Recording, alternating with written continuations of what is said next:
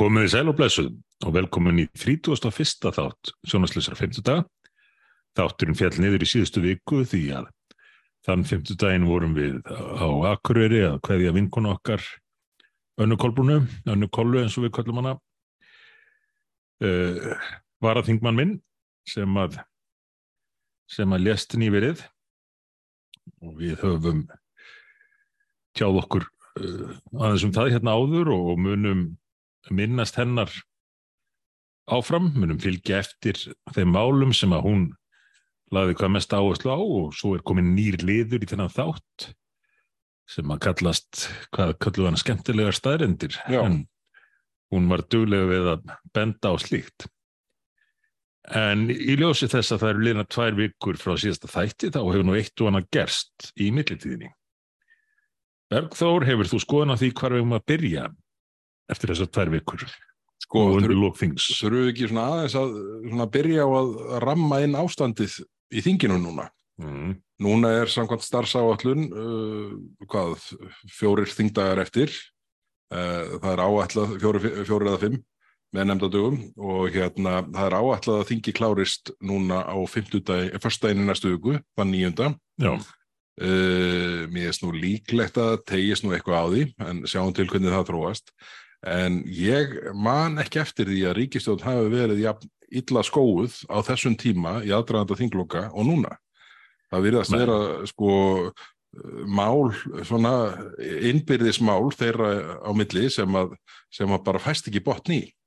Já, já, ég held að sé alveg rétt að, ríkistjórnan skipið hefur sjaldan verið eins langt frá landi daginn sem að átti að Já, koma til hafnar eða, eða vikuna. Sko þetta eru, við sjáum bara, bara sjáum þá meðferð mála, flóknumálana, hvernig er verið að handera þau í nefndum.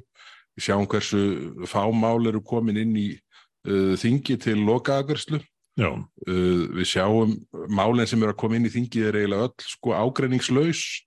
Það eru sko eitt nefndaráliti í meir og minn öllum málum. Það er bara þetta, þetta, þessi, hérna, þetta afláts þessi afsökunarbeðinni ríkistjórnarnar gagvart einhverjum fjölmjölum sem við erum að ræða núna sem, sem er svona einhver umræðum og átök sko en, en, en það er engin á móti máluna því að þetta er náttúrulega bara einhverslega skadabætur til handa uh, einhverjum fjölmjölum Þessi, þetta frumvar sem nú leikur fyrir og ég hef líst þessum sem, sem svona krampakendum viðbröðum stjórnvalda einu svona ári til að beða Já, já. samtökunar á því að hafa ekki komið í verka raunvörlega að laga vandan. en þetta er alltaf sem bókina lært. Þetta mál er bara dæmi um það hvernig þessi ríkistjórn tekur ekki áneinum málum nei. heldur er bara að bregðast við þegar að skaðin er skeður, þegar þau get ekki annað en, en með Og, og bregðast ekki við með því að leysa vandan. Nei, nei, nei, nei, nei. þau, þau bregðast við með því að kaupa sér sko tíma. Já, Og ég spáði því nú bara í ræðinu minni hérna áðan um, um þetta fjölmjölamál, uh, stuðning við einhverjum fjölmjöluna, að við myndum á sama tíma ári standa hér í þessum sporum og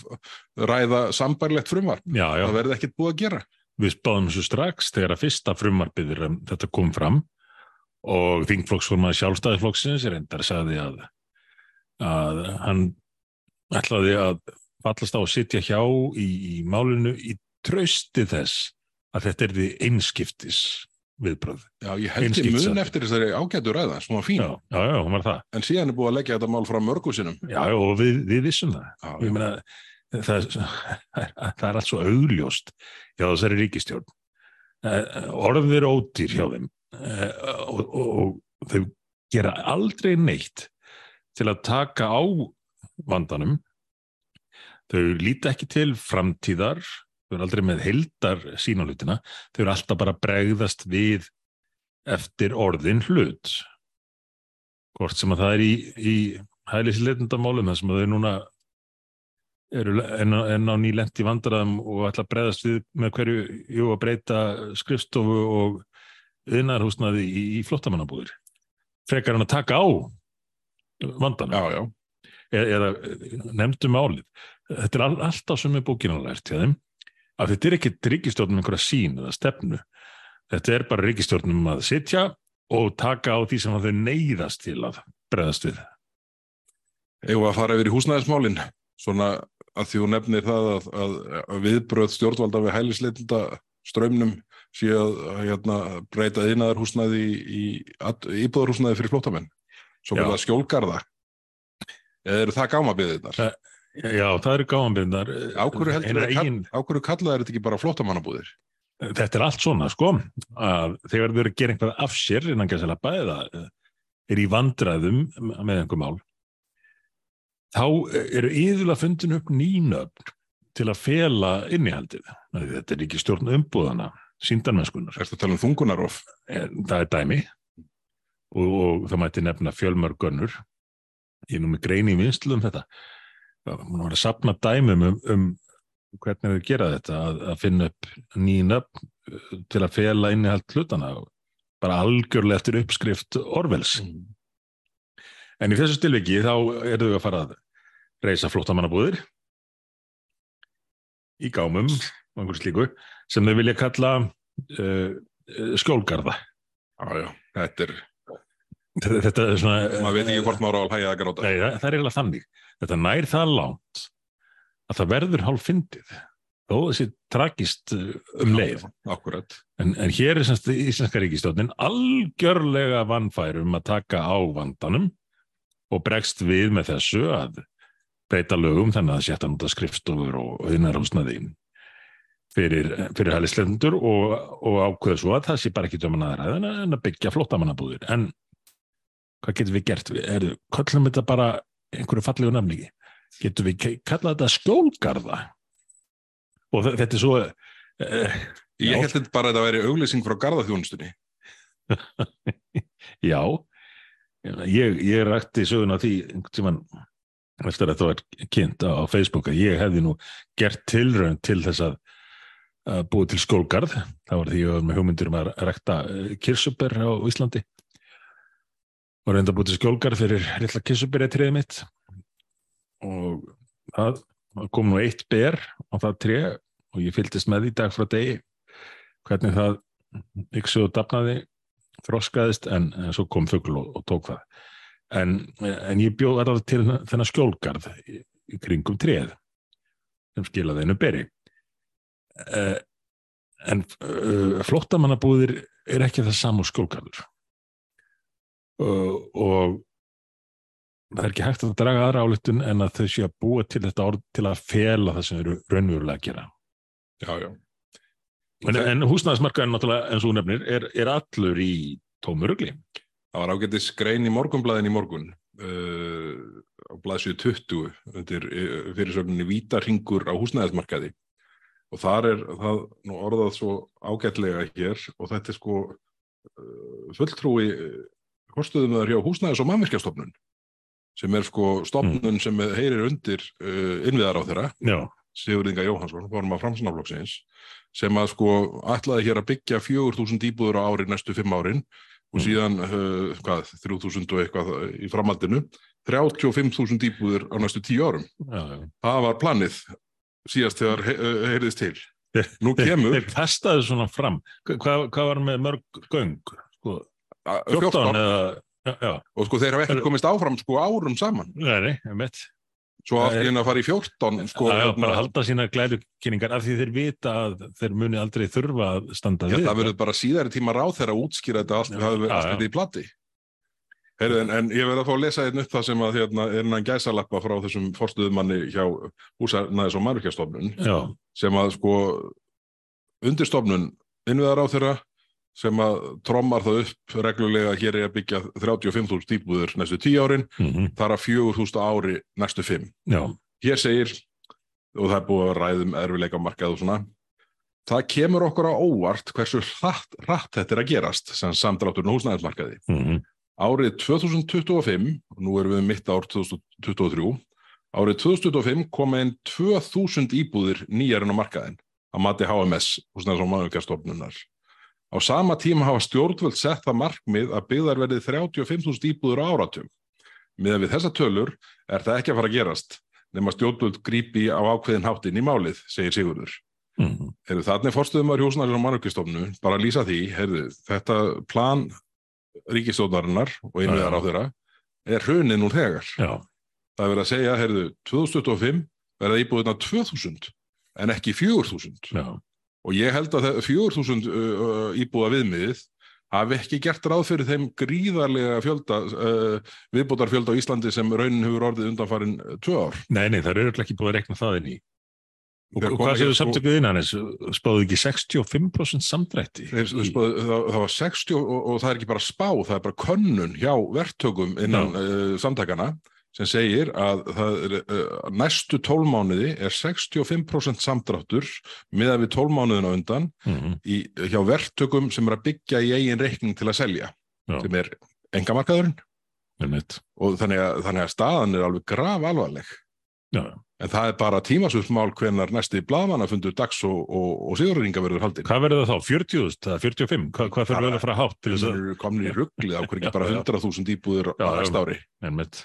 En þetta, þetta er því miður bara uh, uh, sko þó við reynum að svona setja þetta í einhvern svona skemmtilegan búning samtalsins vegna þá er þetta graf alvarlegt og þetta er Já. auðvitað sko uh, viðhalda verðbólgu þrýstingi hér ofan á þessi gengdarlösu ríkisútgjöld Já, um lengri tíma og, og, það er engin verð út úr verðbólgunni heldur en þeir sem hérna, uh, minnst hafa og minnst eiga nei, nei.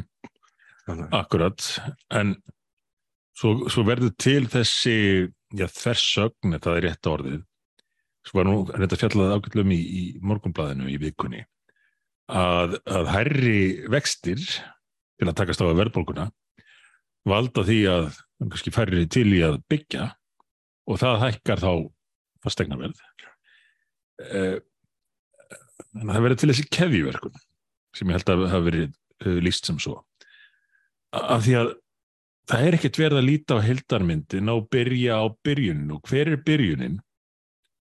Hún er útvöld ríkisins. Já, já, Þessi gengdarlösa útgjalda aukning ríkistöfnarinnar sem að hefur eins og við höfum rakið hérna áður sleið öll með í þeim efnum en heldur bara áfram við þessar aðstæður að bæta þær í og kynnta verðbólgubálið en ætlast til þess að allir aðrir leysi vandan uh, án þess að taka þátt sjálf þau, þau hins ömu og uh, eru á byrjunarneitt sko, og, og, og halda utanum að uh, gefa merkið um hvert samfélagi stefni með þessari ótrúlegu útgjálda aukningu.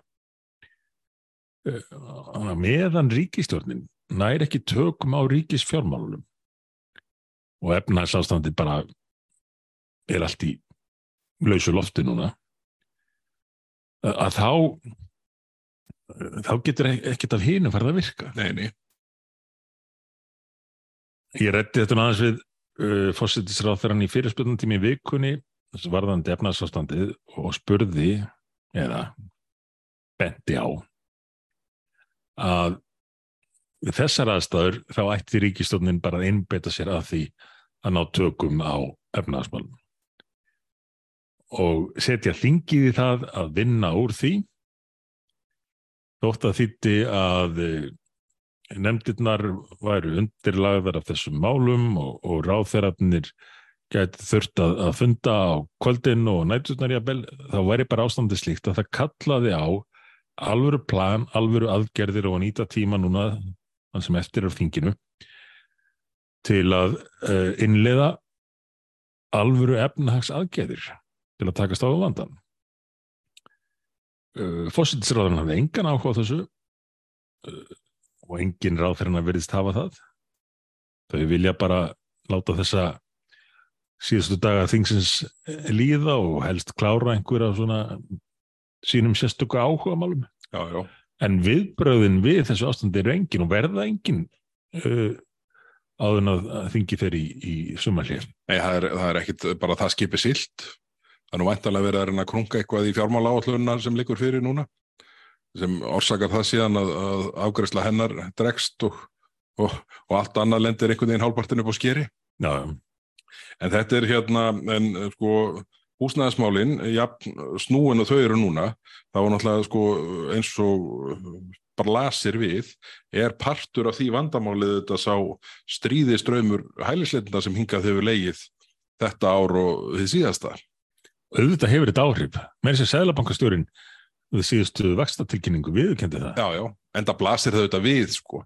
Fólk er bara svo viðkvæmt að tala um þetta við höfum bara að tala um hlutin eins og þeir eru eins og þeir eru en, en það þetta blasir við að þegar koma hingað 5.000 manns á síðast ári tæflega mm.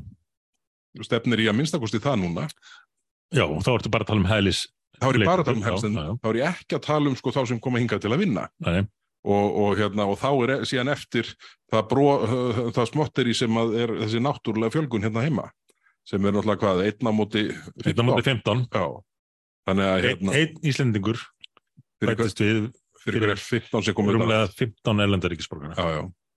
Og sko þetta náttúrulega getur ekki sko haldið svona til lengri tími í nokkru samfélagi. Nei. Það bara hérna, það, það blasir við.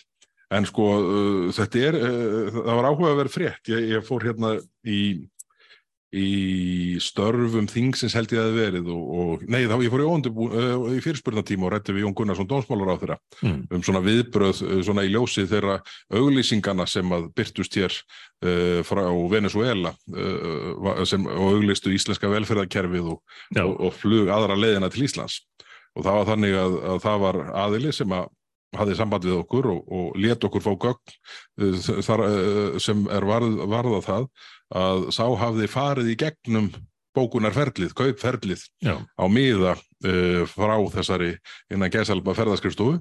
Mm. fer hérna í gegnum það alveg fram að þeim punkti að, að þurfa að borga fyrir hann. Já, og þá er auðvitað orðið alveg ljóst að þetta er bara miði aðra leiðina og aldrei rekna með viðkomandi tilbaka já. Og, og þurfti sko að fara inn í einhver svona spjallherbyggi á netinu og svona til, að, hérna, til að ganga frá þessu var allt, allt, allt mjög dubjus hérna og, og, og þetta voru margar meintar ferðaskrifstofur sem voru að auglýsa Ísland með einhverjum svona náttúrumyndum og slít já, já, já, en, en eins og í þessu tilviki þegar að menn svara og fara að spyrja störi, þá greinlega snýst þetta bara um eitt að, að selja hérna inn á íslenska já, já, já, það var alveg greinilegt. Er það svo hérna ríkisútvarpið það er bara ágætt hjá þeim að þau fá þarna aðila og starfmann hjá sig vantalega til að vakta þetta hvernig, hvernig uh, svona uh, þetta atvikaðist þarna um það leiti sem að þessi tiltekna vél var að koma til landsins. Eða sem sagt vél frá Madrid þetta fer allt í gegnum Madrid. Það sem já. frá hérna hvað er það, Caracas.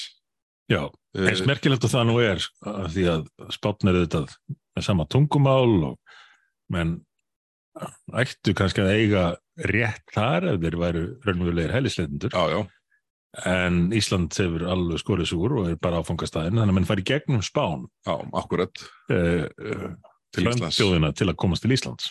Og, og, og, og, uh, en fréttin svona niðurstaða fréttarna var að það, hún hefði nú ekki við þessi uh, hérna þessi Iberia vél hafi nú ekki verið full af flóttamönnum sem kom hingað en, Mm. en einhver, einhver slatti verið í henni alveg greinilega með við, með við tölurnar sem voru byrtar og þetta var áhugavert að fyrirsögnin dró fram að þetta hefði nú verið svona uh, ástæðulegsar áhyggjur. Já, en svo var öll fréttin gekk út á það að það var allt í steik og ströymurinn alveg linnulaus. Það, það er oft þannig að menn virðast treysta því að, að fólk les ekki meina fyrirsögna Já, en sjaldnast þeir sem skrifa fréttina Jú, reyndar, reyndar Já, Eitt dæmum, svona bara smá innskott, dæmum svona frétt var frétt á eiginu um að fórstjóri Æslandi er mikil tækifæri í því að Európusambandið eh, samþykti undan þá fyrir Íslandi í þessu flögumáli.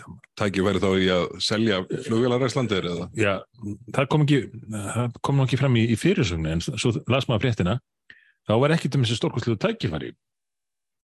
Uh, Fórstjórin sagði bara, það sem hann hafði sagt áður, já, uh, vonandi mun Európusambandi veita þær undan þá sem að fósittisráðinu bóðaði eitthvað slikt. Og fósittisráðinu hefur ekki getið útskýrt það, hvað undan þá er það að vera. En, en þetta var bara fórstjóri flugfélagsins sem er náttúrulega að hugsa um að halda mark, markanum rólegum og svona, Eh, hann segir ég, já, vonandi, vonandi verið tekið til til aðstæðan á Íslandi. Ég hef aldrei séð, held ég, ráðherra, tvo í þessu tiliki, rugglast jafn rækilega á innihaldi máls og í þessu. Nei, mitt. Bæði utrengisráður og fórsettisráðherra virðast halda að að koma eitthvað annað, eitthvað nýtt herfi 1. janúar 2027. Já, Herruð, 1. janúar 2027, þá er bara kerfið sem nú er undir innleitt að fullu. Eins og er. Þá verður kerfið sem að þau eru búin að vera að andmæla Já. á öllum þessum 100 eða 150 fundum eða hvað er auðvöðu, innleitt að fullu þá er það innleitt að fullu. og, Og svo, svo segja, segja bara, eh, þá tekur við kerfi sem að, e, það sem að eitt á yfir alla ganga. Við, það er akkurat einmitt, Það, það er ástæðan fyrir því að við vorum andmæla og íslensk stjórnvöld heldur 150 fundi með einhverjum embætsmönnum. Það var til að andmæla því að eitt gengi yfir alla því, því að það fyrirkomulag hendar Íslandi alveg sérstaklega illa. ég, það bara mun ganga uh, flugi þeirri mynd sem við þekkjum það í dag döðu Algjörlega. og svo mörgu öðru Og, og, og ríkistjórnin, ráðverður hennar, höfðu reynt að útskýra þetta. Hafðu verið bara mjög hreinskilnir með það hérna í þinginu og hafðu sendt brefin sín á Európusambandið, meðal annars eh, frækt bref bænaskjál Katrínu Jakobsdóttur til Úrsúlu von der Leyen, þar sem fylgdu súluritt og útrekningar á því hvaða áhrif þetta myndi hafa. En svo bara held ég að þeir hafi orðið svo rosalega spenntir á þeirarnir fyrir þessum þessari Evrópuháttið sem það heldur hérna. Já, já, að, allt annað hafi bara mátt að þegar Úrsula stekkur út úr þóttunni hérna og brunar beint í ráðverðarbústæðin þá þá þurfti allt að líta vel út. Og þá mæta þær hana og segja en, við uh, við erum komið samkomulag. Og hvaða samkomulag það? Það vissi, það vissi enginn. Oft eftir að útfæra smáatriðin eins og það var kallað. En, en aðalega við fáum hérna afslátt í tvö ár. Og sko þessi tvö ár eru innleðingar árin með afslætti til annara líka sko. Akkurat, akkurat þannig að þannig er þetta kynnt með þessum hætti og, og samningsstaða Íslands bara virkin eru yfirgefin skilin eftir opin og uh, það áður en að málið tekið fyrir í sameinlu EES-nefndinni að- algjörð brjálaði alveg bara galið. Það sem átt að vera sko varðstað okkar það sem við ætlum að ná fram okkar uh, breytingum. Ég fór í fyrirspörnum þetta núna í síðustu viku á fósættisráðara það voru engin svör ekki frekar en fyrir daginn engin svör um hvaða breyting yrði á regluverkinu eftir afsláttarárun 2 og engin svör um það hvort að Ísland ætlaði yfir höfuð að nefna þetta í sameinlu EES-nefndinni nei, nei.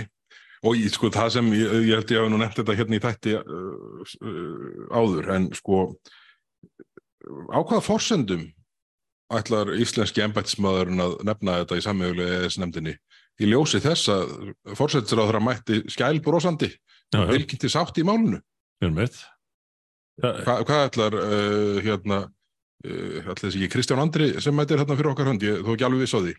En, en sko uh, hvað, í hvað stöð er hann settur? Á hann að mæta á þennan fund sammeili eða snendar hún segir bara, já, þetta var nú bara sjó svo allir verið í góðu skapli í koktelum þannig á að segja það? Við erum miklar ágjur að segja þá. En býtu, þótt það sé raunin ykkar borast í ringin. Já, já, já, akkurat. Ná, Nákvæmlega, og það verður bent á þetta. Eh, Engin ríkistjórn hefur gefið samningsstöð Íslands eftir jafnrækilega frá því að vinstistjórnin tók sínar ákvarðanir í æsef slagnum. Og, Nei, nei, og þetta er þe- þetta er risamál. Við höfum rakið þeir náðu þannig að við þurfum ekki að fara í gegnum það allt saman uh, en bara minna hlustendur á að það er ekki búið að leysa neitt af þessu. Þetta er mál sem að ráðfræðinni sjálfur sögðu að myndi rústa stöðu Íslands sem tengifljóðlar í Allandsafi myndi þýða miklu dýrari ferðir til annar landa, miklu færri ferðir af áhrif og útflutning sendingar til og frá landinu ákvörðun fyrirtækja um rekstur hér og svo framvegis. Og það er ekkert búið að leysa þetta. Nei, ríkistofnin er búin að gefa eftir samningsstöðuna í þessu máli. Já, já.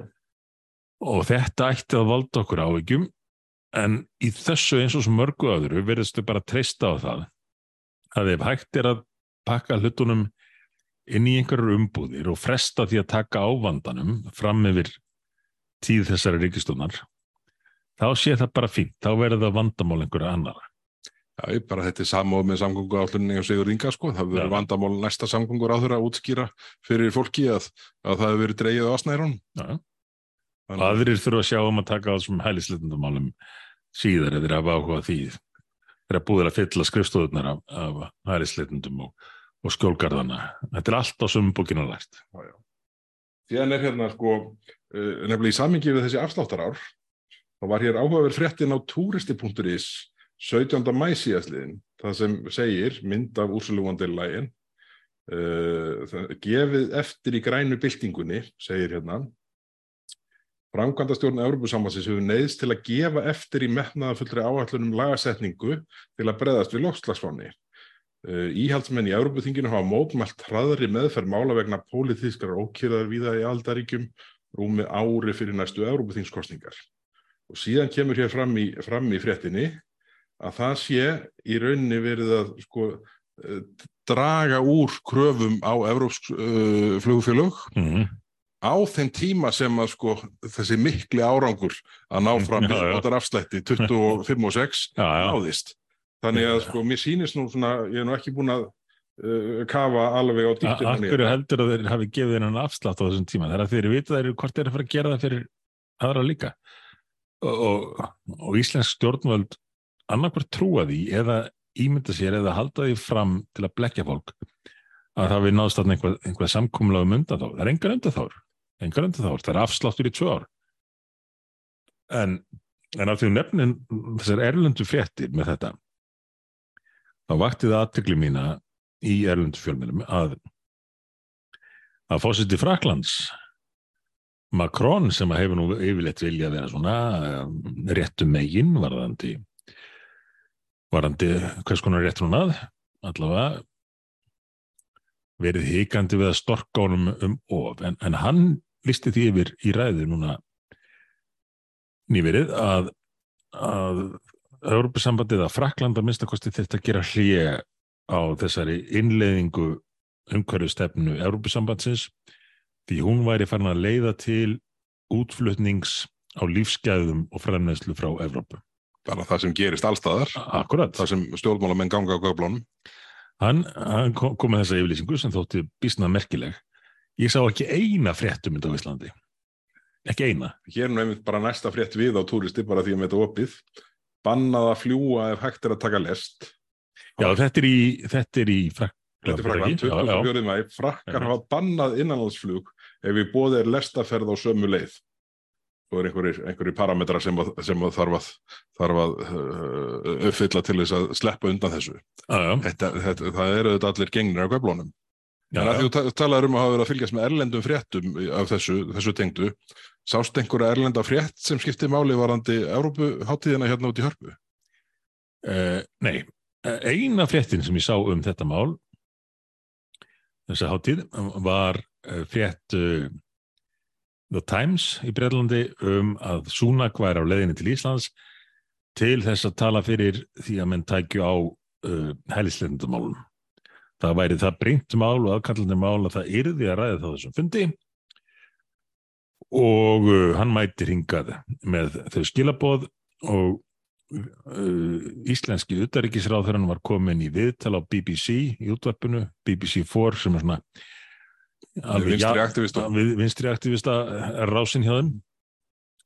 Til að útskýra það að nei, við munum ekkert leifa þessum súnleika stjórnum dagskráni með þetta, við erum að fara að ræða önnum mál uh, og skömmu síðar fór súnum keim eins og við Já, já. eins og við rættum hérna aðeins í, í síðasta þætti en uh, þe þetta uh, já þessi hátíð, hvað kosta hann? Þú ert ekki enn búin að fá svarið því Nei, ég er Fjóra, fimm spenntur, ég myndi halda þetta endi Já. einhverjum fjórum, fimm miljórum í heldina, já.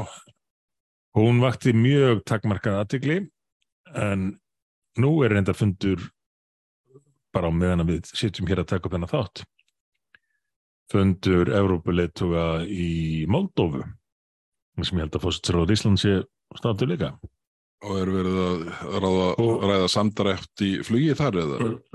E- eflaust mun einhverjir vilja nýta tækifæri til þess en þetta er nú svona þetta á að vera einhver eh, fundur til að ræða málun almennt og þar með talið hvað? Jú, það sem að fyrirnefndur Rissi Súnag taldi að þyrta sitt á dagskrá málefni hælislenda það sem að íslenski auðverkisráþurinn og fósittisráþurinn vildu ekki leifunum að setja á dagskrá hér. Og fyrir vikið þá, þá vorum við sagðar fréttir að þessum fundi sem stendur enn í Moldófu uh, uh, aðeins, aðeins kannski fleiri fréttir heldur en af hátíðinni hérna heima en málið er náttúrulega bara það að þessir fósettisir áðferðar og fósettar eru á svona, svona fundum ofta á ári Já, já, alls konar þetta er linnulust alveg, Já, alveg linnulust. Við nú bara þegar ástandi var sem vest í Gríklandi, þá held ég að maður öllu verið sa flogið saman á fundi einu sinni í viku, já, já, mánuðin saman. Það var alltaf síðasti neyðarfundurinn út af ástandin í Gríklandi. Herðin, kom aðeins yngað heimaftur, þingstörfin. Ég, hérna, við erum búin aðeins að koma inn á, þú rættir efnagasmálinn og, og, stöðuna við Katrínu Jakobsdóttir í fyrirspunna tíma já, og svo rættir við umhverfisráður að Guðlaug Þór um skerjafjörðin. já, er þetta um að gulla? Já, Já. Heyrðu, hann kom nú aldrei svo óvart hérna, fyrir hvað, tveimur, þreimur dögum. við vorum að hugsa um að gera hana heiðursfélag í miðfloknum, Já, svo því, magalenti það plan nú í dag. já, því miður. En uh, íbúasamtök í skerjafyrði, príðisfélagið Sköldur, sem er auðvitað besta nafn á svona félagi Já, já. sem að nokkuð tíman hefur verið nóðast við. heldur betur, menn hefði ekki getað gert betur árið 1912, en við tökum hattin ofan fyrir þessu. Príðisfélagið Sköldur, íbúasamtök í, í skerjafyrði, uh, báðum fund með umhverfisráðurunum og fengu hann til að ræða áformu innanríkisráðura og uh, borgarstjónus í Reykjavík um að byggja nýtt hverfi í skerjafyrði á grænu svæði þar við ströndina til að þrengja flugvöllum. Ég meina, er það ekki bara megin tilgangur þessara framkvæmdar? Það er að þrengja þessum flugvölli Jú, jú. liður í margra ára áallun langtíma áallun borgarinnar um að sækjað flugvellinum úr öllum áttum til að ítunum í börtu og við höfum rætt það mála hérna í, í þætti áður uh, og viðbröð manna við því að þetta hverfi muni uh, raska öryggi uh, og, og rekstrar umhverju flugvallarins sem að þessi sami innanríkis nei, innviðar á þeirra hafði áður sagt að kem ekki til greina að er þið samþýtt einhverja framkvæmdir sem að myndi hafa áhrif á starfsemi flugvallarins, það eru ekki samþýttar eins og með annað hjá þessari ríkistjórn og þessum ráðförum þá leiði ekki löngu áður en að hann samþýtti þetta þráttur er öll áhrifin sem að þetta muni hafa á flugvallin rekstrar öryggi hans og, og flugöryggi. En saði reyndar á sama tíma og hann gaf grænt ljós á að ræsa gröfurnar og byrja að móka undan flugvallin að hann var í internetustuðnings með flugvallarins þetta er allt svona Já, já, innan tómt hjál. Já, innan tómt hjál. En hvað gerist svo? Svo uh, er, er komin þarna þessi samtök í búana og til leiks mætir umhverfis lofslags og orkumálar ráð þeirra og segir að hann vilji stoppa þetta. Hann vilji stöðva þessi áform um að, að móka þarna undan flugvellinum og þrengja á þunum og, og fækka enn grænum söðum í Reykjavík og vísar í í rannsók sem sýnir að, að, að það er líklega engin engin höfuborg allavega í Európu sem að uh, leggur eins litla áherslu á græn svæði í byggðinni eins og, og Reykjavík En engin heldur sem leggur meiri, meiri áherslu á að afleggja grænsvæði.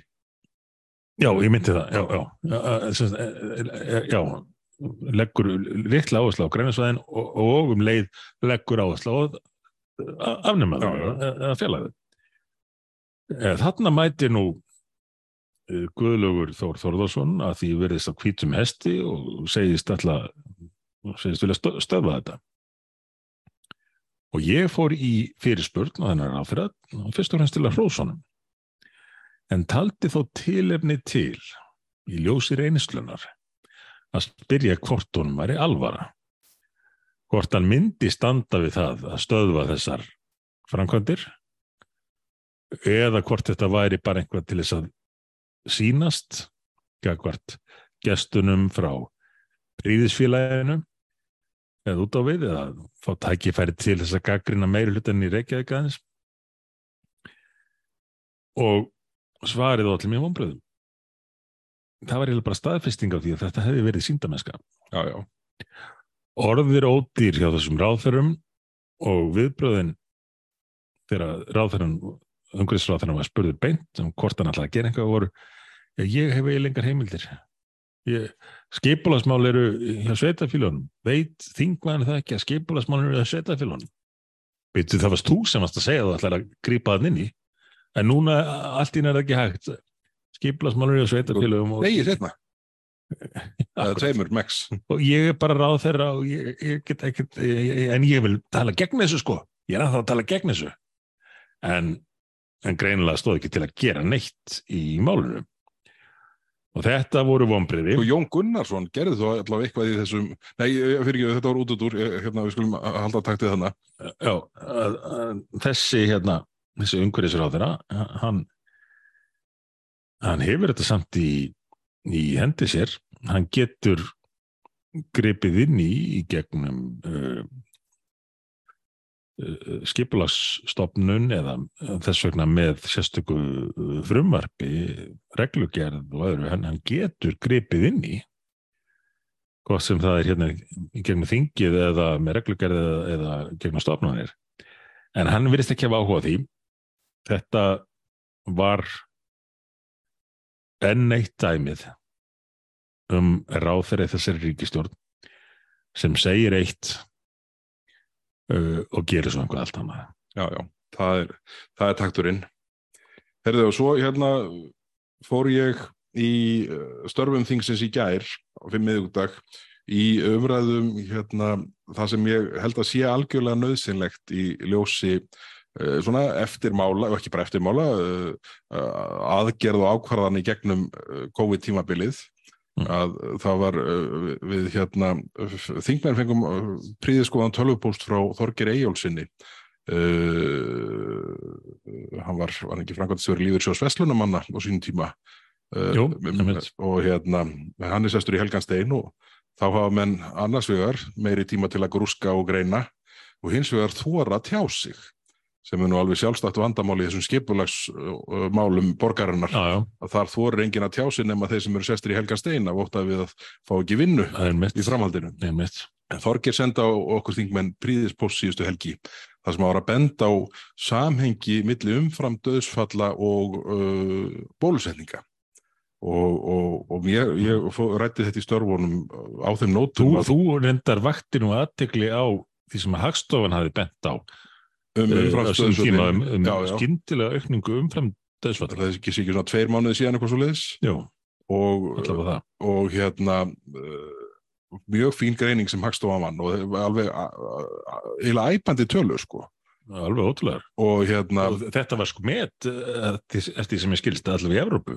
Já, og, og sko en, uh, og síðan sendir Þorgeir Pálsson, nei Þorgeir Eyjólfsson þessa þennan post um helgina og, og mér var nú nokkuð brugðið eftir að sjá hann og, og, og ég held að við séum á þenn stað að uh, við erum með núna með sko uh, frumvart til heildar, nýra heildar uh, lögjafar hvað sóttvartanlög varðar í meðförum þingsins og ætlun ríkistjórnarinn er að klára það í næstu viku. Það eru þetta algjörlega galið að ætla að fara í, í heildar uppstokkun á því regluverki áður en að einhver rannsókn hefur sér stað, átt sér stað á, á áhrifum uh, þeirra ákvarðana sem að teknar voru í gegnum heimsvarðandurinn. Bæði hvað varðar uh, bólusetningar, takmarkanir á, á, á lífi og starfsmunum, uh, lífi, hérna, lífi fólks og, og, og starfsemi fyrirtækja og þetta allt saman við verðum að við verðum að fara í heilstæða sko, ígrundaða skoðun á þessu sem er þá framkvæmda einhverjum öðrum heldur en tóku ákvarðaninnar. Mér finnst náttúrulega bara förðulegt að menn alltaf klára þessa löggjöf án þess að líta til uh, stærstu tilraunar á þessu sviði eða hvað við maður kalla það, stærstu reynslu allavega á, á sviði sóttvarna í uh, meirinn hundrað ár. Ég menn alltaf bara að líta fram hjá því hvað reyndist vel og hvað reyndist verð við þessar aðstæður Já, já.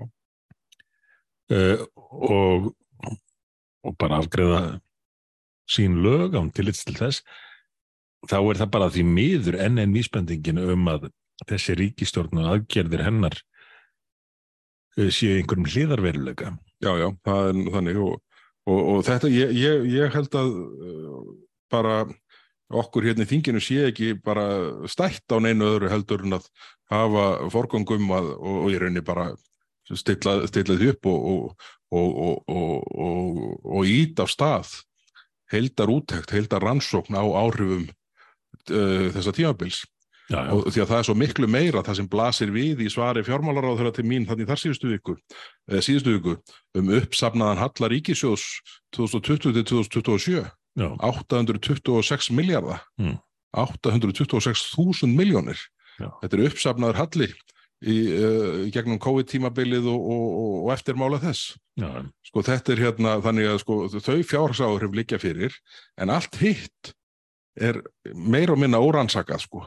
Já. og því miður sko þá, já við megum ekki láta okkur sko festast í þeim gýr sem að menn sættust allt og mikið á í gegnum tímabili heimsfaraldursins að meg ekki gaggrina og meg ekki spyrja spurninga einmitt. og ég meina ég get eh, sko uh, ég þurfti nú að fletta því upp hvenar, hvenar ég byrja að skrifa svona einhverju viti í þessum hérna uh, þessum viðbröð við COVID varðar en, en ég hefði gjarnan vilja byrja fyrr svona eftir að higgja Já, já, en hlustunar skilirðin voru þau mjög ekki, voru ekki góð en, en, en það eru þetta eins og allir vita þá eru við ekki með miklar áhugjur á því.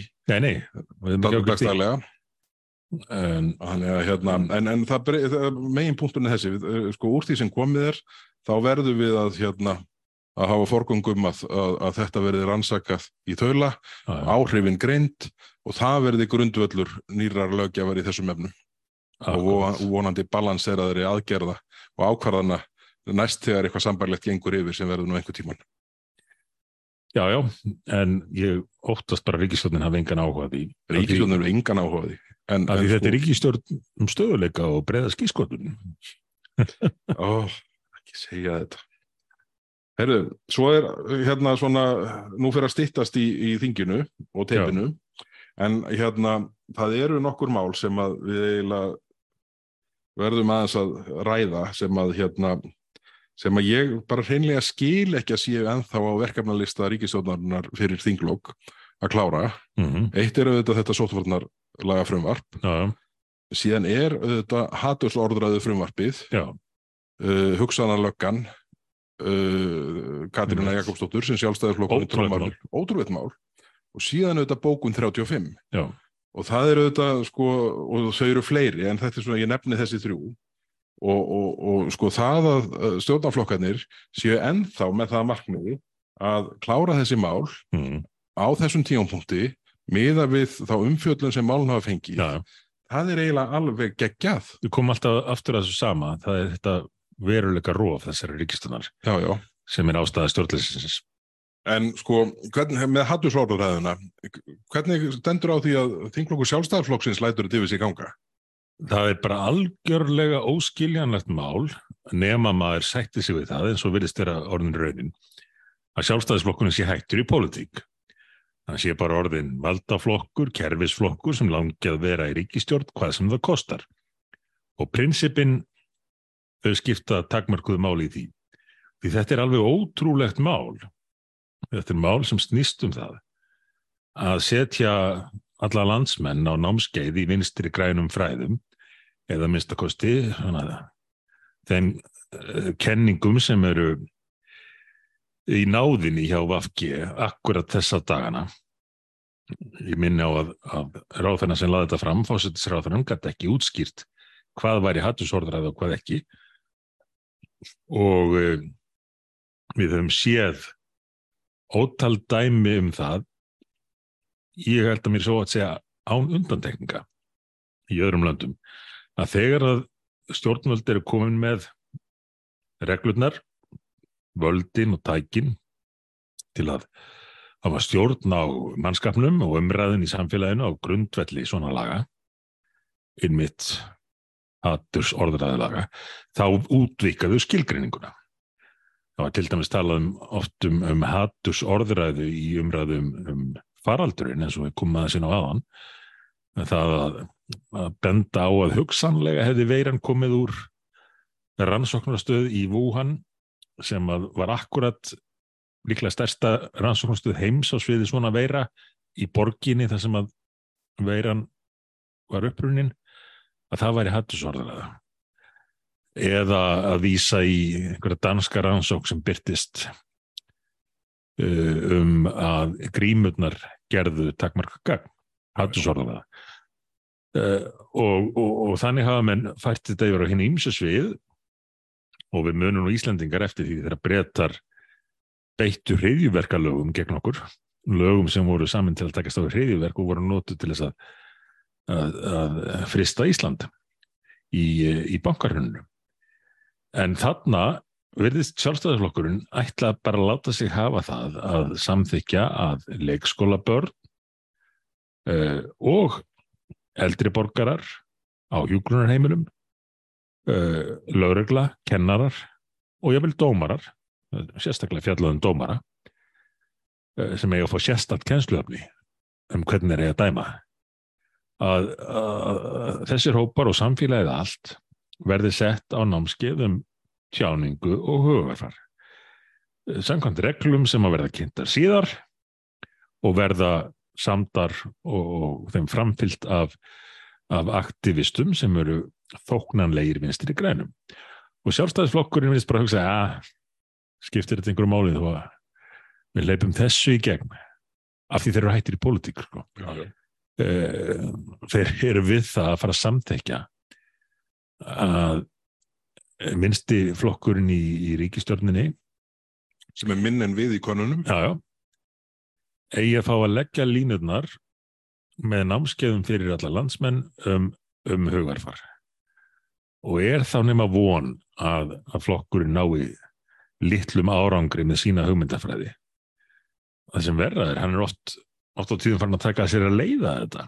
Eins og í þessu máli það er sjálfstæðisflokkurinn sem heldur utan um framgang málsins í nefndinni. Og í, í öðrum málum sem að varða grundvallar atrið eins og fullveldi landsins uh, brunnstóðir réttaríkisins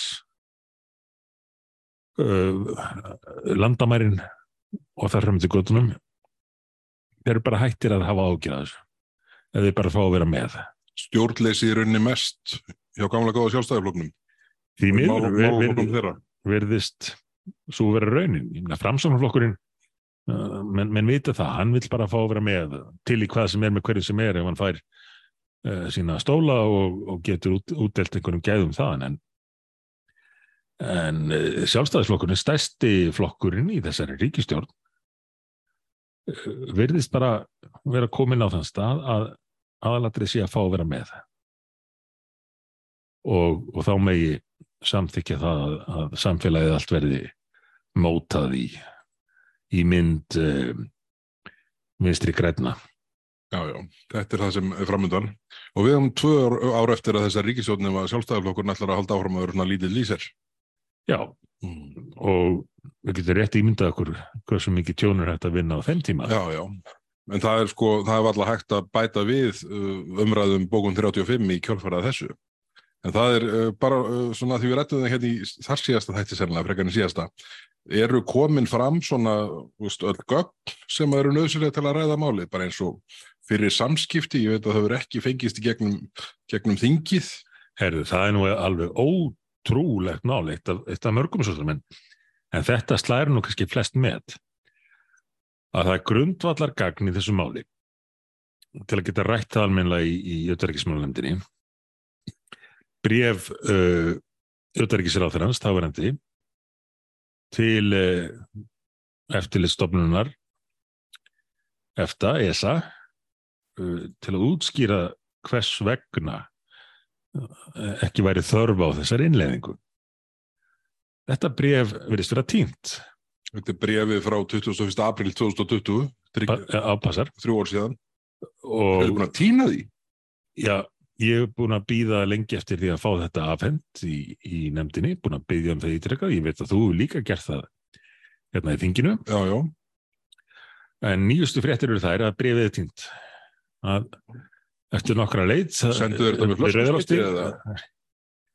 Ég veit ekki, ég, í vestafalli geta þeir þá haft samband þarna út og beðið á að senda sér afrit af eigin brefi Þú skrifaði utarikisráðunetið 25-30 blaðsina bref þar sem að menn útskýrðu ákvöru væri frálegt að breyta eitthvað, krunga eitthvað í bókun 35, mm sendu það til ESA og íttu síðan bara á delete hérna heima fyrir. það verðist vera Þetta er- Ne nema nema þetta hafi farið í í pappistætaran eftir á Var þetta geitt á tölvu Hillary Clinton? búið sett í sí, sírubað Já, þetta er alveg ótrúlegt. Ég var ekki Eh. búin að fá svörin með þessum hætti í gegnum, gegnum þá kanalara sem ég var að notast við í gegnum þingið. en þetta er náttúrulega ekki hægt sko. það er ekki hægt að sætta sig við þetta og Það verður nú bara mjög áhugavert að sko geta spurt utanriksrátura, býtu hvað af þessum rökum hérna á þessum 20-30 blaðsíðum hafa úrelst á þessum þre þremur árum. er mitt Hvað af því sem að þið sögðu fyrir þremur árum að undistrykkaði það að það verður engin ástæði til þess að hérna, gera neitt í líkingu við það sem þú ert að gera núna. ja, Hvað þessum rökum á ekki við í dag? akkurat Það væri bara áhugavert að fá svar við því. og nú liggur fyrir að þetta bref var til en það var skrifað minnisblad fyrir auðverkismálanemnd á sínum tíma upp úr þessu brefi en nú er það týnt og og leit lokið í byli í skjálasafni auðverkisræðansins og, og, og tölvu kerðum þess Já, ef, ef einhver starfsmaður ESA er að hlusta, Já. þá er númer skjálsins í þeirra skjálasafni 112-8831. það geti hjálpa til við Ég á Ég þessu vil bara senda okkur því tölvupústi 21. april 2020 Það hérna en nei, en, en sko mannstu á þínum ferli hérna í þinginu, mannstu eftir einhverju viðlíka að, aldrei. segir bara svona kjarna bref, kjarnaplagg, segir bara tínt. Menn gátt ekki tínt þessu brefi frá össur uppalega með Európa-samansauðsóknin, Nei, það nei. er bara mikið. Heyrðu, þetta, er, þetta er allt í mesta fyrir það en, en þessum máli er náttúrulega hvergin er í lokið og, og maður verður nú bara að gefa sér að, að með einhverjum hætti komi stjórnarflokkarnir til raunheima og, og, og slái þessi tvö mál og þrjú hattursorðræðina bókun 35 og, og, og sóttvarnalögin af fram á Já. haust sko. og sóttvarnalögin eru ekkert hægt að klára nema að undangenginni ígrundaðri skoðun og afleðingum ákvarðana þessa tímambils Nei, það væri bara fráleitt algjörlega sko Heri, en svo er hann að tala um fráleita hluti þetta er kannski ekki fráleitt er óttu krútlegt en hérna, en svona orðagjálfur það í gær og í dag voru samþyktar hér á þingi uh, annars vegar matvælastefna og hins vegar landbúnaðastefna bæði Já. þessi máli eru frá Svandísi Svagastóttur matvælaráðherra og svona ef maður lesa þessi plögg saman þá er svona rauði þráðurinn að hún hefur svona ímsar óljósar málskreinar sem hún getur skilgreint eftir behag og, og hérna, nota til þess að ná fram pólitískum markmiðum sínum Mhm. og síðan er svona kjötframleysla á Íslandi er greinileg ekki hátt skrifuð og, nei, og, og, hérna, og, og það verður áhugavert ef, hérna, ef að á að hérna, auka, auka til að mynda sko, kortframleyslu á sama tíma og, og dreigir verður úr átburðanotkun og fleira slíkt. já, já, Maður er hrættur um að þetta sé meiri svona meiri leiktjöld heldur en, heldur en raunverulegu stuðningur við innlenda matværulega framleyslu því miður. Að minnstakosti ekki þú hefðbundu. já, já og ég meina maður er ekki bara við, ég held að flesti hún búin að átt sá því hvernig þau eh, ganga fram, þau leggja fram einhverja tillögur með eh, texta sem að þau geti síðan eftir á túlkað sér í vil og vísa í það að byttu þið samþyktu þessa tillögu. Bara nefnið dæmi, heilbriðis áallum á sínum tíma. Uh, og þar var nú eitt og annað sem að þau síðan sagði, heilbriðis áallum að samþykt þannig að þetta klúður, það er bara ábyrð þingsins. Þið samþyktu þetta. Já, já. og um, eins er það með þessa matvæla og landbúnaðastefnu sem að innihjalt ímsa ágæta frasa um mikilvægi fæðu öryggis og slíkt. En þegar nánar var að gáð þá var þarna verið að opna það að skilgrina landbúnað sem svona já, vandraða grein sko. að það væri vandamál að við varum að framleiða matvæli og losa um gróðrúsaloftegundir til að geta þá sagt síðar Byrju, það var nú ágrið þérna stefna það sem við bentum á að, að það þyrfti að draga úr, úr losun og þess vegna ætlum við að hætta að styðja bændur í kjötramleyslu eða uh, skikka á til að hætta að nota ábörð og, og annað til því. Og enn höfum við dæminn frá öðrum löndum eins og Hollandi, ekki hvað síst í þessu tilveiki, Holland næst stærsti útflýtjandi landbúnaðar afurða í heiminum en þar er ríkistjónin ymmit á grundvelli svona Evrópu samband söksjónar í, í loslasmálunum beinlínis að vinna því að draga eins og kostur er úr uh, framleyslu matvala í Hollandi. Engum með því að banna bændum að nota ábörð og ábörður uh, og framfæra á því sviði er náttúrulega já, megin ástæðan fyrir því að við getum hérna í þessari veröld uh, bröði fætt 8 miljardar manna. Já, já, en ESB vil greinlega aðrir sjá um það og fá í losunina á, á sinn lofslagsreikning frekar heldur en Evrópulöndin. Og Íslensk stjórnvöld eru þáttakandur í þessu. Við höfum rætt hérna áður í þáttunum hérna alræmdu skýrslu sem að Íslenska ríkistjórnin sendi fyrir uh, lofslagsráðstefnu nummer 26 í Glasgow Stefnuplaggið sem var síðan bara staðfestað held líka hvert lofslag COP27 já, já. í Egiptalandi. Það verið bara óbreytt. það sem að voru dregnar upp ólíka sviðsmyndir en, en greinlega vænlegasta sviðsmyndin var að, að menn hættu að framlega eh, kjött og, og mjölk eftir aðtökum eh, hérna á Íslandi uh, og nú er búið að bara fyrir dag að samþykja þessa landbúnaðastefnu með atkvæðum meiri hlutans uh, og býtu bara þangar til þau fara síðan að tólka þetta upp á nýtt Já, og nota sem það- raukstöðning fyrir Það er bara tímaspörsmál. Já, Og ég hérna, held að það gerist nú bara strax með ákvörðun uh, Svandísar meðal annars í gagvart áframaldi kvalveiðum, gagvart uppstokkun á sjáurðskerfinu sem að uh, verður nú væntalega kynnt niðurstuður þarna, hvað er það, auðlindin okkar, uh, hérna, uh, svona samráðshópurinn sem hún sett á lækirnar. já, Ég held að áallunin sé að það klárist í næstu viku. Þannig að, þannig að þetta verður, verður uh, stanslöst slagur áfram. En síðan er hérna uh, áhugavert að hérna uh, á förstudaginn var kynnt ný samgöngu áallin í ríkistjón. Byrtist óvænt við lok þings. Þetta, uh, ég taldi það nú, ég skrifaði pistilum í mokkan núna í byrjun vikunar og hérna, sem byrtist held ég á þriðdagsmorgunin og þetta var alveg, þetta er algjör furða að, að leggja fram, að leggja fram samgöngu áallun kinnan í ríkistjón þá held ég að hafi verið átta þingdagar eftir samkvæmt starfsáallun og svo er náttúrulega tikkast af þeim núna en þetta er einhver furðu hugmyndir á þeirra að, að vilja hérna, vilja mæla fyrir samgöngu áallu núna og mann grunar nú svona helst að, að, að hugsunin sé svo að fá að mæla fyrir henni núna og senda til umsagnar. Mm. þá sé búið að tappa af svona mesta pyrringnum í haust þegar þeim kemur saman aftur. En, hérna, en, en, en það kostulega er að þarna svona, þessi þrjú megin atriði sem voru dregin fram voru í fyrsta lagi að það ætti að uh, taka, setja þrefalda sérstaka gjaldtöku ofan á akstur og ökutæki ofan á hérna almenna Já, semst í formi tafagjalda hér á höfuborgarsveðinu til, í tengslu við samgöngusáttmálan og borgarlínu í, í öllum jargöngum, gamlum og nýjum og ég hef nú ekki ennþá átt að má hvernig sko uh, samgöngur á þar ætlar að klára rökraðunar við sjálfan sig sem sagði fyrir ekki löngu síðan að, að það er hvergi lagt á sérstakt gjald nema vegfærandir ætti valum aðra leið. Ég veit ekki hvernig hann ætlar að koma fólki um óslíðina frá Bólingavík til Ísafjörðar nema að setja töluverða uppæði í lagfæringar þar. Og síðan auðvitað í þessum samvinnuverkefnum sem ekkert gengum með að koma áfram. nei, nei. Þannig að hérna og síðan er verkefni sem við kölluðu samvinnu verkefni á þess að, að sko, samvinnu hugsun kemur nokkuð staðar að. Þetta er annars vegar ríkið og hins vegar engaðilega. Já, já, já. En, en þeim þótti örgulega fínt að kalla Nafn, nafni og flott. Já, já.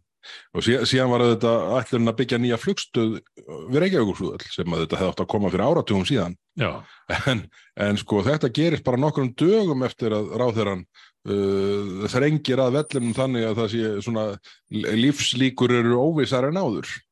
Þetta er, þetta er, þetta er einhver svona panik, panik viðbröð til að reyna að róa, róa landsbyðina ímynda í mér sko. Pótemkin tjöld. Já, já. Og síðan 14 nýjarkung á næstu 30 árum. Hvað, sko, maður, maður hugsa bara af hverju lætur maður eins svona miða við Já. sko, framgönguna og árangurinn og eftirtekjuna hinga til þá vita þetta allir að þetta er tóm þvæla já, já, og það verður bara næsti samgöngur á þeirra lendir í því að útskýra fyrir fólki að þetta hafi verið allt í plati. Já, þetta er ekki fallega gert. Nei, þetta er greinilega bara planið hjá þeim að eh, kynna eitt og annað sem að þau vita að þau mun ekki þurfa sjálfa að standa við. það verður bara einhver samgöngur á þeirra innviðar á þeirra annar ríkistjórna sem sit, mun bara standa þarna og segja bara, mér þykir bara mjög leikt en, en það var bara Já. fylgdi ekkit fjármagn þessu Og skýrasta dæmið eru þetta fjármálaáallunin þar sem að þau staðfesta það, að þau hafi enga trú á því að þau getur nátt tökum á ríkisfjármálum en sé að gera ráð fyrir að næsta ríkisstjórn gerir það um, um mitt næsta kjöldtjambili. já, nákvæmlega þetta hérna, þetta, þetta verður áhugavert heyrðu, en síðan hérna uh, við erum eiginlega að segja eitt orðum hérna, teipið er að vera búið og, og ég er að fara á næsta fund þannig að við verum að fara að hérna, klára þetta. Þú ert að fara á fund uh, þinglóðsóman, eða ekki? jú, jú, jú, hann er að bresta á- Leysa, leysa þessi þinglók. að reyna að leysa þessi þinglokk ég er, ég er hóflega bjart Já, ég, hérna, uh, ég held að þetta verið fyrsti fundur af mörgum um fátt. Ég grunum að það sé rétt heyrðu en, en þú fórst, varst í Silfrinu hérna, uh, já nú er það orðin þar síðasta helgi. Já, það sem var verið að svona, nýta saman þetta, þennan þingvetur í síðasta hérna, Silfri vetrarins. Já, já. þetta var nú svona þetta var hófleg skemmtun að horfa á. En, uh, en, en þó það voru þarna svona uh, jákvæð uh, ljósir punktar inn á milli. En þeim var nú svona misskipt á milli gestana já. hvað fannst þér svona hérna einkenna Það sem ég fannst einkenna þetta var að eh, stjórnarliðið, þar að segja formenn stjórnarflokkana voru komnir í, í vörn og, og töluð út frá þeim hliðarveruleika sem þau virðast lifa í núna. Ég var nú þarna, ég, ég var nú fjärstatur, ég var í Finnlandi uh, en tengdur í gegnum internetið. þú varst að tala á ráðstöfnu íhaldsmanna var það ekki? Já, neða, þetta var svona uh, ráðstefna segja varðveislu sinna. Varðveislu sinna, já. Það var meðal þess rætt um hvernig mætti uh, byggja fallegri hús og skipulegja betur og, og, og reyna að endurvekja helbriða skinnsemi í stjórnmálum. Já, já, á, á ýmsum sviðum, þetta var mjög áhvert og skemmtilegt. En, en þarna var ég stattur og uh, ég benti nú á ímest þessara atriða sem að ríkistjórnin er í, í vandraði með í þau skipti sem ég kom hann inn í, inn í umræðina og fósittis ráðherrunum mislíkaði alveg sérstaklega þegar ég benti á heið augljósa sem að Sælabankastjórun hefur nú í mildtíðinni bent á að það væri tengsl milli vandans á húsnæðismarkaði og gríðalegs uh, gríðalega fólksfjölgunar með uh, innflutningi fólks. Þú ætlaði þú ekki að fara að benda á samhengi hlutana Nei, það, það er illa séð, sko. já, það er Þegar, bara þegar ósangjart þú ert með ríkistjórn sem að vill lifa í hliðaveruleika, þá, þá, þá pyrrar það menn þegar það bentir á raunveruleikan. já, já, Raunveruleikin getur verið pyrrandi og þú vilt ekki uh, kannast við hann. En, en ráðfinna saði nú eitthvað svona, já, sigmundur minn, ég fegin að ég- að því var ekki snúð á hinn veginn og ég hefði sagt Katrín mín. Já, það hefði ekki enda vel. En, en að, að um, þetta væri nú bara mjög óvið eigandi að tengja saman stöðuna á húsnæðismarkaði og fólksfjölgununa uh, en þó leikur fyrir að það er augljós uh, staðrend og hitt var að þau reyndu eins og þau gera jafnan að að ruggla saman annars vegar uh, aðflutningi vinnuafs og, og hins vegar því að Ísland er komið rækilega á kortið hjá þeim sem skipuleggja fólksflutninga í, í mentri hælisleit.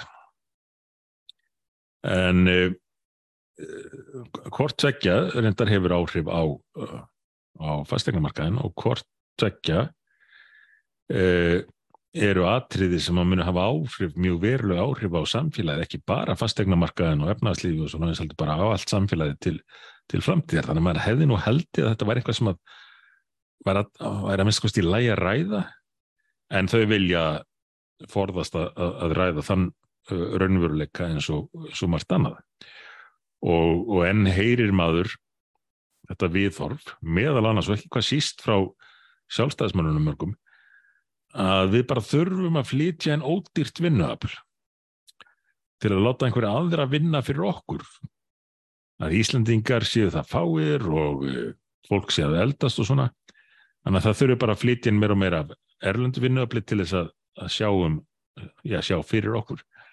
Og þetta er náttúrulega bara píramidasvindl, sko, ef, ef það heldur þannig áfram því að Eh, aðkominn fólki mun eldast og það mun þurfa heilbreyðistjónustu og alla aðra uh, þjónustu ríkisins. Nei, erum við að segja að Ísland sé ekki með sjálfbært samfélag? Eh, þetta er nú mikið uppáhald sögtakjaðum. En er það tilfellið að, að Ísland sé ekki lengur sjálfbært? Mm, og hafðu ekki trú á fullveldi landsins? Og með því er ég ekki að gera lítið úr mikilvægi þeirra vinnu sem að þeir sem að hingað að flutt hafa unnið eins og, og polverið sem hafa reynst samfélaginu gríðaðar vel. En, en, en er þetta viðurkenning stjórnvalda á því að við ráðum ekki við þetta sjálf? Að hugmyndir frá sem, sem uh, var hreint í framkvæm til 1918 þegar Íslendingar voru um með einan við 100.000 að hann gaf ekki upp. Mm -hmm.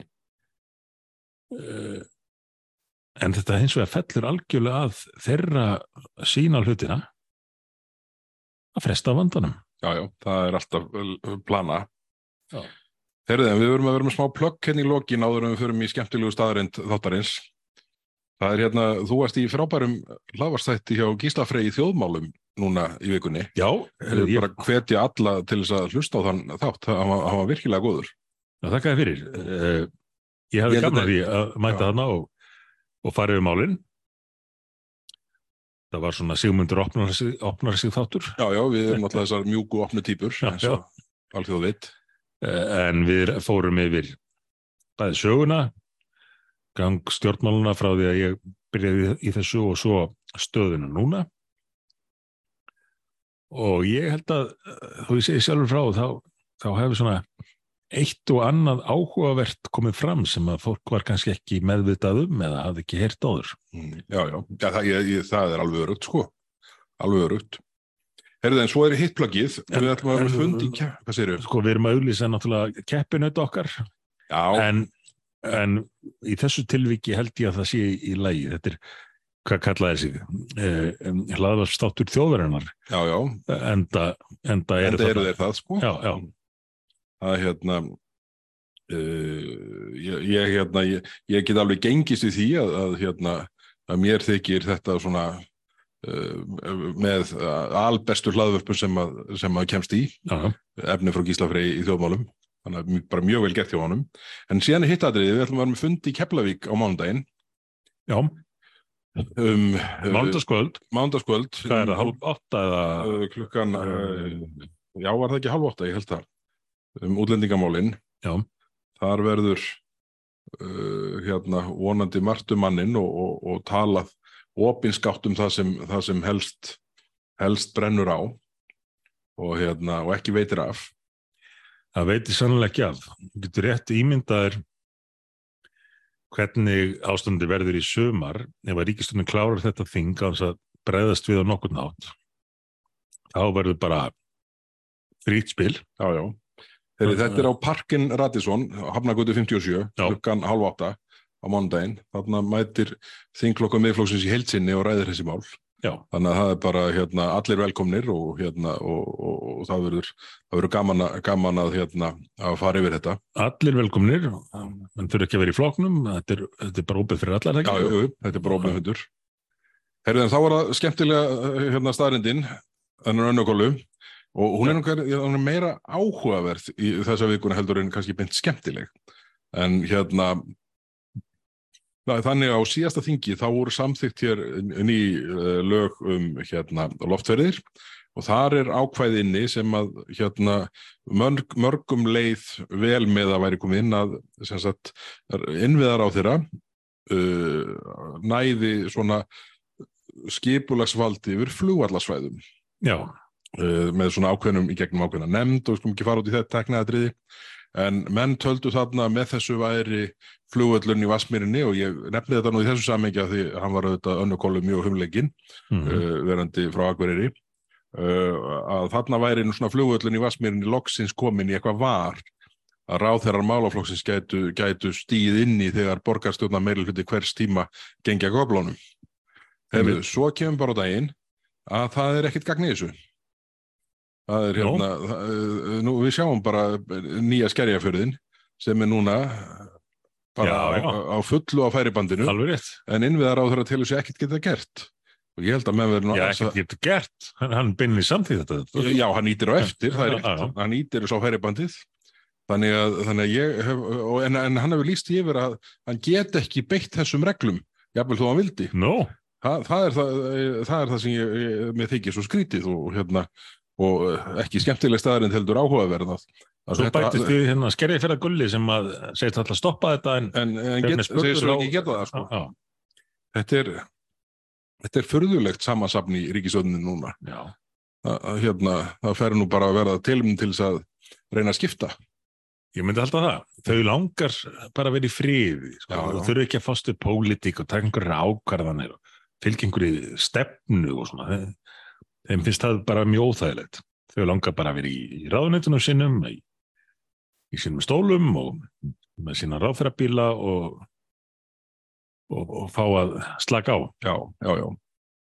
Heyrðu, nú eru tvær myndir í fundi á mér, ég ætla að hlaupa Já. hérna á milli húsa. Þetta búið að vera gott í dag. Við, hérna, við verðum hér aftur að vikuliðinni, nú er alltaf að fara á fullt í þinglókabixinu eins og alltaf hinn, hinn árlega. Já, Þannig að hérna, við reynum að standa í lappirnar í því sem að, til okkar friðar heyrir og, hérna, og, og sjáum hvernig þessu, þessu vindur fram næstu dagana.